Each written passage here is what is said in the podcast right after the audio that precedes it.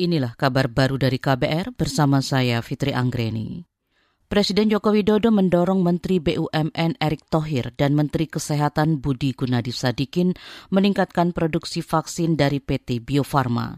Saat meluncurkan dan meninjau penyuntikan perdana vaksin Indovac di Bandung, Jawa Barat, Jokowi menyebut dorongan itu guna menciptakan kemandirian vaksin dalam negeri. Sehingga nanti akan betul-betul menghasilkan sebuah revenue yang semakin besar bagi negara dan kita memiliki kemandirian berdikari betul di dalam urusan vaksin. Presiden Jokowi juga mengapresiasi kerja keras peneliti muda yang sukses memproduksi vaksin COVID-19 Indovac. Kepala negara juga menyoroti kemampuan Bio Farma menguasai pangsa pasar dunia di vaksin polio yang sukses menyuplai 70 persen dari total pasokan di dunia. Kita ke informasi berikutnya. Kalangan disabilitas menuntut pemerintah mengaudit stadion sepak bola agar ramah difabel.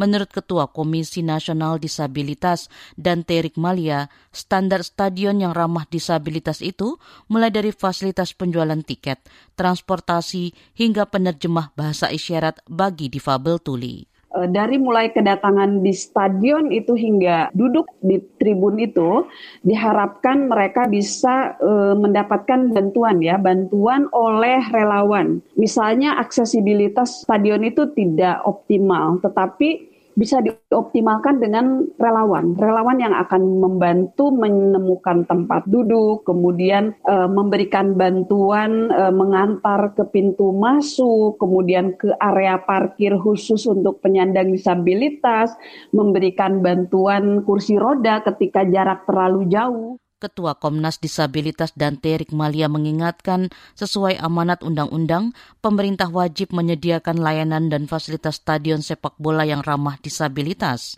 Dante berharap Presiden Joko Widodo mewujudkan rekomendasi dari Komnas Disabilitas dan menjamin akses difabel menikmati olahraga secara inklusif. Kita ke berita luar negeri. Majelis Umum Perserikatan Bangsa-Bangsa mengecam upaya pencaplokan ilegal Rusia atas empat wilayah di Ukraina. PBB juga meminta semua negara tidak mengakui langkah Rusia itu dan memperkuat isolasi internasional diplomatik kepada Moskow sejak menginvasi Ukraina. Dikutip dari Reuters, sebanyak 143 negara memberikan suaranya mendukung resolusi dan kedaulatan, kemerdekaan, persatuan, dan integritas wilayah Ukraina yang diakui secara internasional. Duta Besar Ukraina untuk PBB, Sergei Kislistia, mengatakan hasil itu menunjukkan Rusia tidak dapat mengintimidasi dunia. Pada September lalu, Rusia memproklamirkan pencaplokannya atas empat wilayah di Ukraina, yaitu Donetsk, Luhansk, Kherson, dan Zaporizhia dan melakukan referendum.